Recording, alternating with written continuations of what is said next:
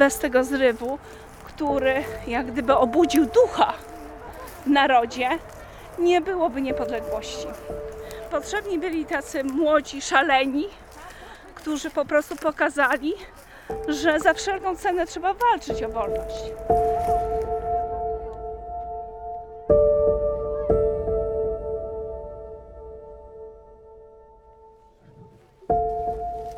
Jeśli nie my, to co z tą pamięcią?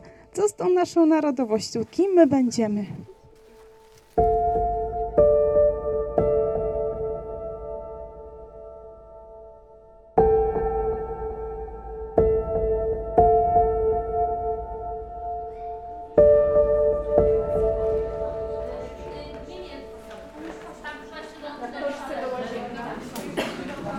Dzień dobry. Jest Piłgoraj? Jest Łukowa? Jest Chmielek? Jest. To są szkoły podstawowe. Widzę, że jest technikum z Różańca. Jest liceum ONZ. Mają być. To czekamy jeszcze na ONZ. E, I teraz tak, na początku chcę serdecznie powitać Was i podziękować dyrekcji szkół wszystkich, że się zgodzili, e, żebyście mogli w tym uczestniczyć. Każdy z Was dostanie za chwilę przypinkę taką. Jeżeli bym mogła poprosić, żebyście po prostu sobie na sercu oczywiście poprzypinali. E, Każda grupa, każda szkoła otrzyma też taki test, który wspólnie będziecie rozwiązywać. Mam nadzieję, że po prostu oczywiście to będzie dla Was bułka z masłem, e, bo test jest bardzo prosty. Mamy dla Was e, nagrody. Proszę tylko o jedno. Będziemy tutaj na trasie Łukowa Józefów e, i teraz przy cmentarzu. Prosiłabym, żeby uważać, jeżeli chodzi o bezpieczeństwo. E, Proszę też, żeby w lesie nie odłączać się od kolumny. Życzę miłej wycieczki. Mamy dzisiaj piękną pogodę, że będzie cudownie. Jedziemy na cmentarz Łukowy.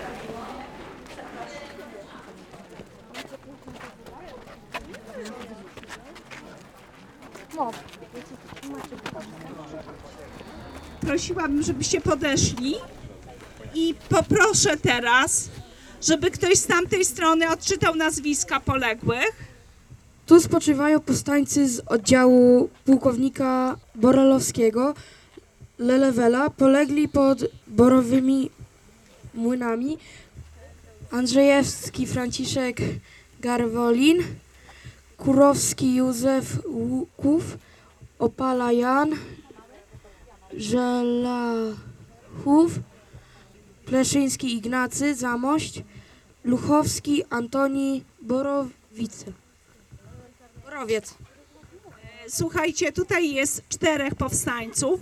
Ten zborowca y, Luchowski to jest ktoś, kto został znaleziony na polu bitwy.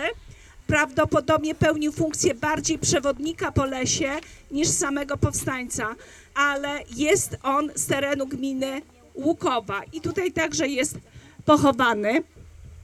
Ten pomnik powstał w 1938 roku z inicjatywy kierownika szkoły w Łukowej. Projekt zrobił nauczyciel.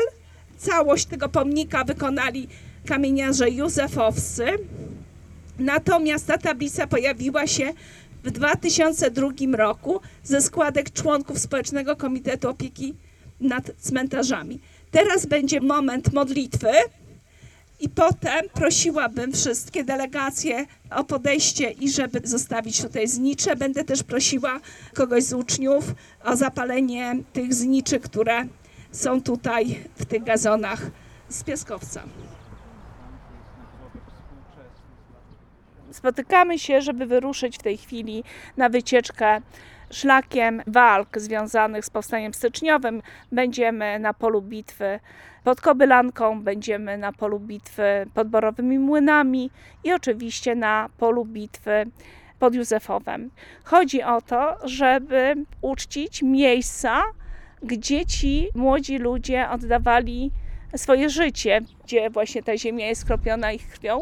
Trasa będzie służyła temu, żeby uczyć poprzez właśnie taką formę naszej historii, naszej walki o wolność.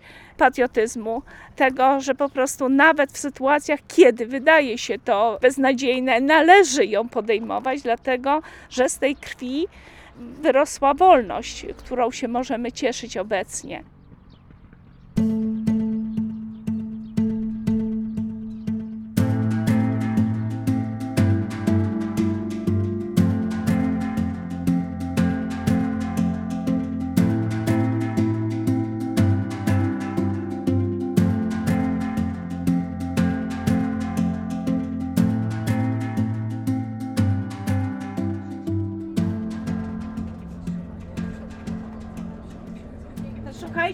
Jesteśmy na terenie, gdzie pozostały słupy graniczne pomiędzy e, Królestwem Polskim, zaborem rosyjskim, a Galicją.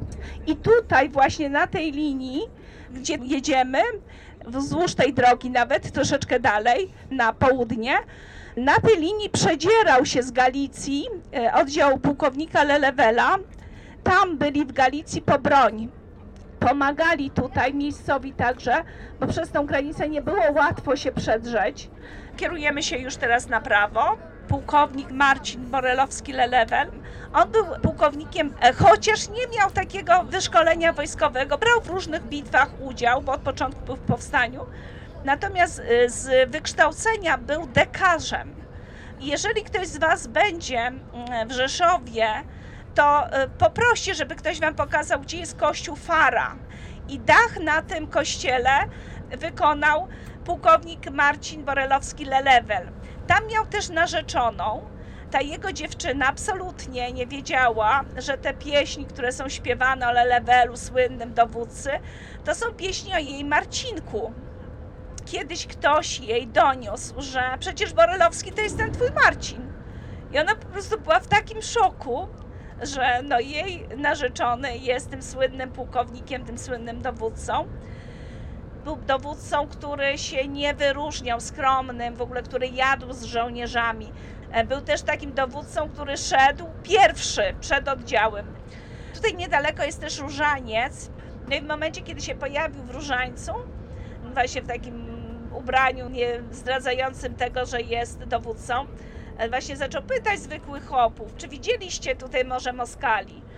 No i któryś z tych y, mieszkańców Różańca mówi, panie pułkowniku, pan doskonale wie, gdzie są Rosjanie. Że po prostu był tak powszechnie znany, był tak ceniony. Ustawimy się i zaraz leśnicy nas wyprzedzą. Jedziemy za nimi. Proszę? Przetrwasz ich 10 Tak, słuchajcie, tutaj się zatrzymujemy, to tutaj już zostajemy, bo musimy poczuć to życie partyzanckie, atmosferę partyzancką. Prosiłabym, jeżeli ktoś z Was ma, to żeby sobie wziąć ze sobą wodę. Przejdziemy na pole bitwy. Proszę się trzymać razem. Tak jak widzieliście, to są tereny takie niepewne do końca, bagienne, żeby się nie oddalać. Co, wychodzimy, tak? Tak, tak. Dobrze.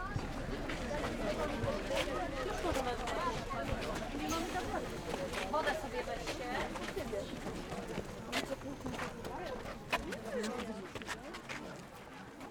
Jesteście na terenie bitwy pod Borowymi Młynami.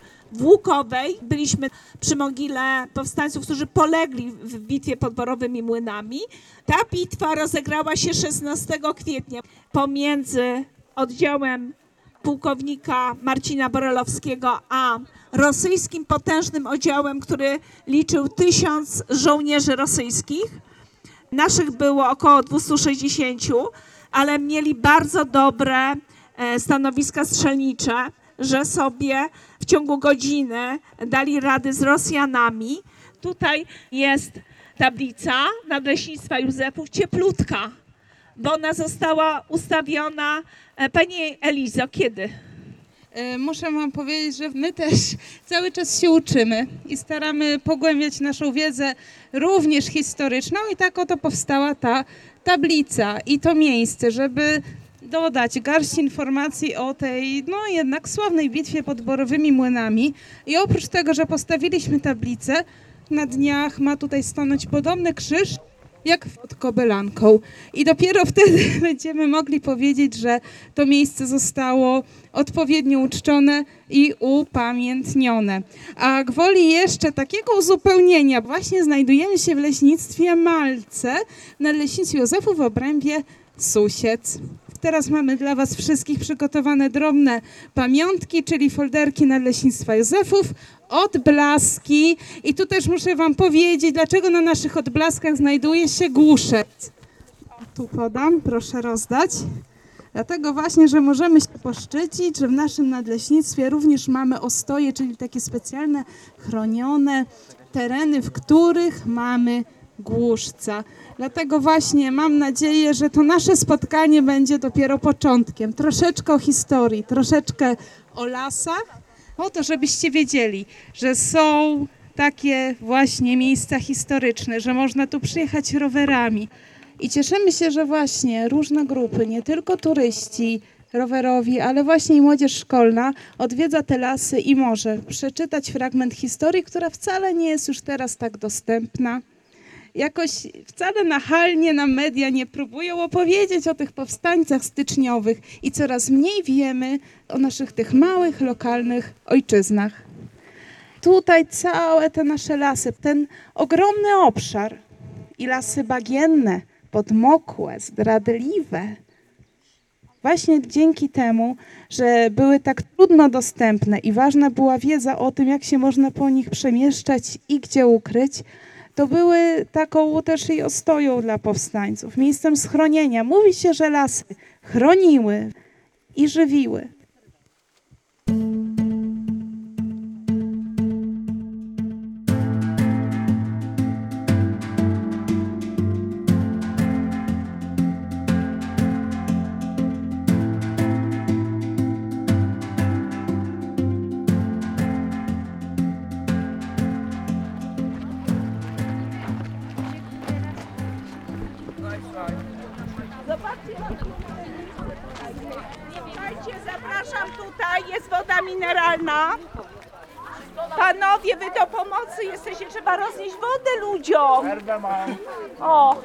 Jakoś nasilić tą maszynę. Nie ma tak, to na wodę nie działa. słuchajcie, co tutaj dzisiaj jest serwowane? Macie swoje te Jaki to jest bigos? Swojski i bardzo pyszny, bo myśmy sami to robili, tak. Bo z roztocza, o. Proszę bardzo. Panowie ustępują kolejce panią. Proszę bardzo. Kto nie ma bigosu? Proszę bardzo. Chodź tutaj, Szymon. Proszę bardzo. Dziękuję.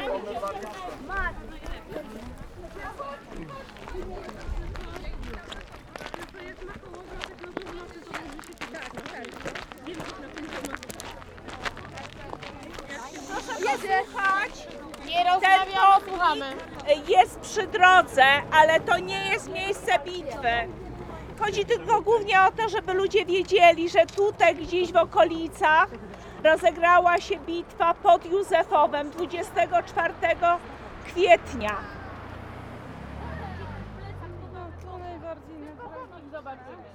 Prawdopodobnie jeden z powstańców, który był na straży, stał na straży, oni byli wycieńczeni, przysnął i dlatego ten atak i ta bitwa była z zaskoczenia. Mamy tutaj ze sobą takie opaski w tej chwili. Ja będę prosiła do pomocy jeszcze uczniów, żeby pomagali.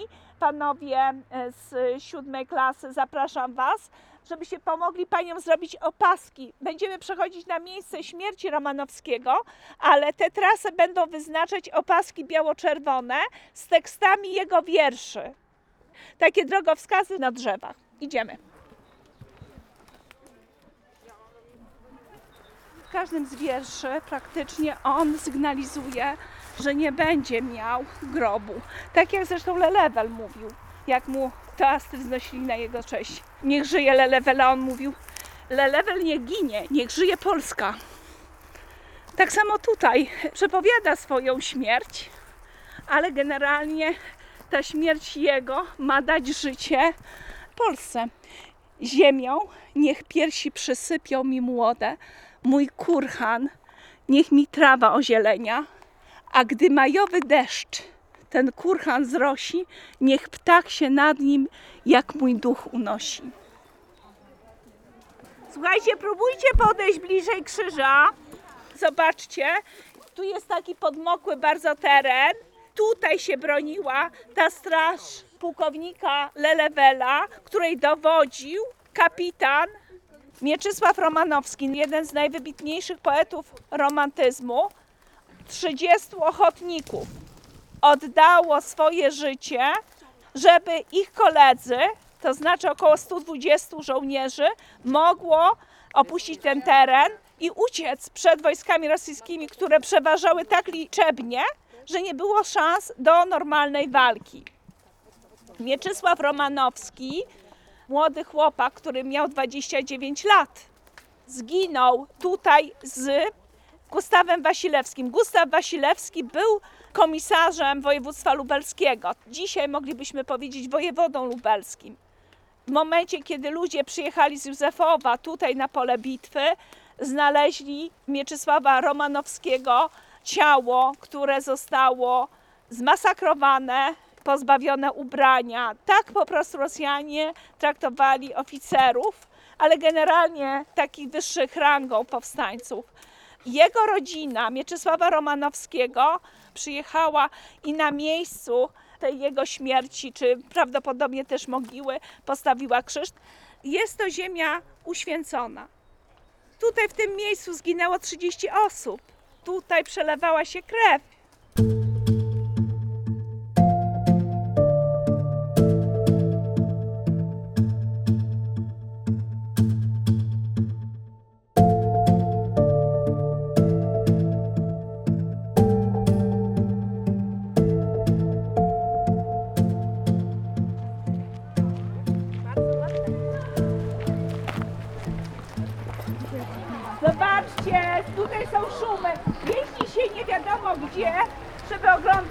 A są szumy tutaj, w borowych młynach. Ten szum wody, tanwi i te progi skalne, przecież to nadzwyczajne, Piękne i cudowne wręcz. piękne i cudowne. Wody chcesz? Co Ci się tu tak podoba? Ogólnie mi się wszystko podoba. Klimat. No to cudownie. A mostek Ci podoba? Drewniany? bardzo ładnie.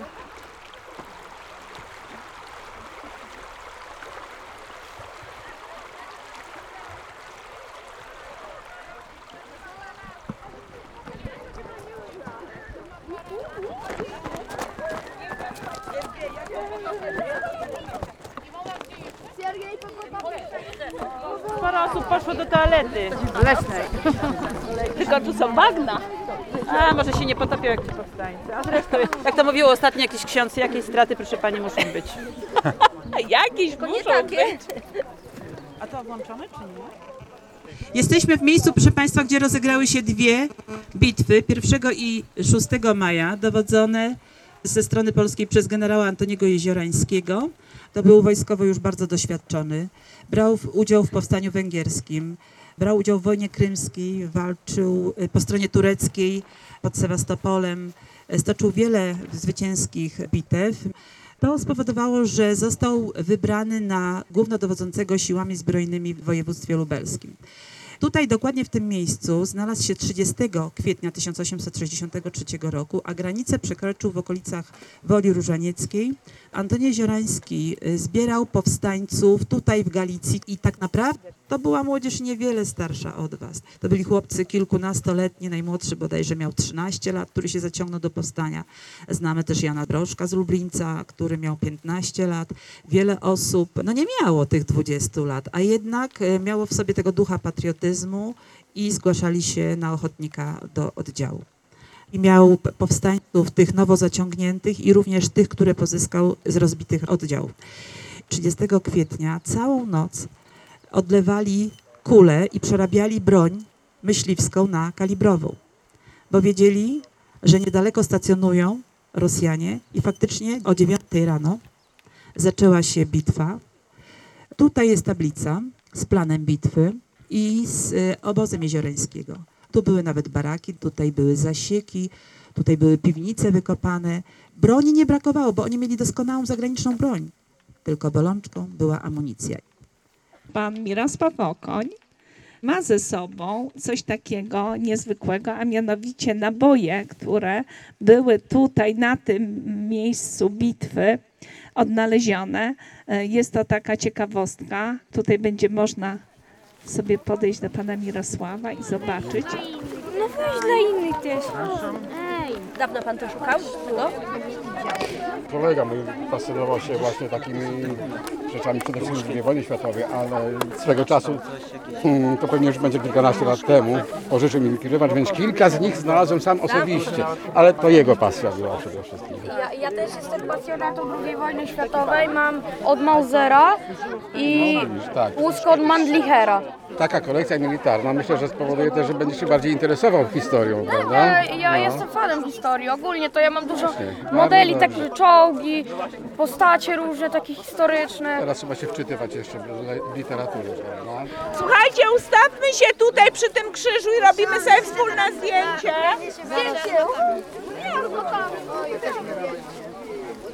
Pierwsza bitwa pod Kobylanką trwała kilka godzin. Zaczęła się o 9 rano. Atakiem Rosjan na pozycje polskie. Rosjanie chcieli się wedrzeć jak najszybciej do tego obozu, ale bardzo sprawny manewr kapitana e, Zawadzkiego e, spowodował, że zostali stąd e, wyparci. Padło pięciu bądź sześciu zabitych ze strony polskiej i było kilkunastu rannych. Natomiast Rosjanie stracili 23 osoby. Druga bitwa była już o wiele bardziej zażarta. Trwała całe 9 godzin. Na początku, po 4 godzinach, kiedy wynik nie był rozstrzygnięty, Tytus Zarzycki, ziemianin z Hotylubia, poinformował, że Rosjanie chcą zaatakować obóz od strony galicyjskiej, czyli jakby od tyłu. Jeziorański zastosował takie działania, które wyparły Rosjan. Padło 59 osób i wiele zostało rannych, ale jeszcze więcej rannych i zabitych było ze strony rosyjskiej 400 osób zabitych i rannych. Jeziorański nie chciał podejmować walki bez amunicji, nie chciał narażać się na przegraną bitwę, więc e, chciał wycofać się, zebrać gdzieś tą amunicję, trochę oszukać e, Rosjan. Kiedy zostawił obóz e, z palącymi się ogniskami, Rosjanie, kiedy wpadli do obozu i zobaczyli, że strzelają sami do siebie i zobaczyli, że wroga nie ma, zaczął się pościg za Jeziorańskim. W tym czasie Jeziorański został ranny. Oddział rozproszył się do ilości 300 osób. Potem się okazało, że generał Śmiechowski, który został po drugiej stronie, dysponuje tylko 100 osobami i oddział poszedł w rozsypkę. E, Żołnierze uciekali za granicę, zdezerterowali, nie wierzyli po prostu już w udaną wyprawę. Te dwie bitwy no, były zwycięskimi bitwami. Ale powstanie niestety na Lubelszczyźnie się nie udało i myślę, że głównym powodem było brak koordynacji, korelacji między poszczególnymi oddziałami, które nie spotkały się w tych miejscach, gdzie to było wyznaczone i nie mogły wspólnymi siłami walczyć dalej. 260 jest oni e, wybit pod borowymi młynami, ich było 260. Borowe młyny? Czyli to będzie C pewnie. Dobra, mamy. To komu zanieść to? A podpisałeś? Nie. Podpisz. A jak mam podpisać? No szkoła chyba podstawowa w Wielku. Pani O, o. Tak. Testy wszystkie są już rozwiązane. No oczywiście to jest test wyboru. Tutaj nie ma zadań otwartych, po to tylko sprawdzić, czy w ogóle uczniowie cokolwiek zapamiętali. Warto po prostu je mobilizować, dlatego każdy z uczestników, kto dobrze rozwiąże ten test, otrzymuje nagrody że nie jest ten test po to tylko, żeby ich stresować, ale też, żeby nagrodzić za to, że nie tylko sobie tutaj spacerują, bigosik jedzą, ale po prostu też coś z tego wyjazdu zapamiętali. Posłuchajcie, tak jak spacerowaliśmy dzisiaj tutaj do tego miejsca, część się zmęczyła, mijaliśmy kierunkowskazy, bo ciężko by było tutaj trafić bez tych naszych tabliczek. I można powiedzieć, skromna tablica, skromny krzyż, drewniany, ale właśnie oddaje tego pięknego ducha, bo najważniejsza jest pamięć. Szczęśliwie urodziliśmy się później w wolnej Polsce i mało kto codziennie otwierając oczy myśli o tym. Mamy swoje utyskiwania, mówimy, że jest tempo, że stres, kartkówki, nie wiadomo jaka matura, nie wiadomo jakie egzaminy. Ale jednak żyjemy w wolnej Polsce i proszę sobie wyobrazić tych powstańców. I oni mieli tutaj przeżyć i to wcale nie piękną, ciepłą wiosną. wcale nie wpatrując się w piękne niebieskie niebo, ale właśnie musieli bronić, myśląc o swoich bliskich i walczyć o życie. I na tym jednym szańcu to właśnie było i życie, i wolna Polska, i spokój, i przyszłość naszego kraju. Także tym bardziej cieszę się, że tutaj jesteśmy. I jeśli nawet ktoś z Was przemknęła mu taka myśl w głowie, że można było tak trochę inaczej spędzić czas, albo że brak jest jakichś takich atrakcji, no naprawdę, nacieszmy się i też doceńmy te lasy, bo prawda jest taka, że lasy rosną spokojnie, ale tak jak kiedyś w pewnym momencie też stanęły na wysokości zadania, tak jak trochę ospali żołnierze, też w razie czego są tu dla nas. A Was zachęcam i chyba też o to chodziło osobom, które Was tutaj przywiozły, namówiły, zgarnęły i wysadziły, że mijając takie tablice, mijając takie miejsca, naprawdę warto stanąć, nawet sobie zrobić zdjęcie, cokolwiek.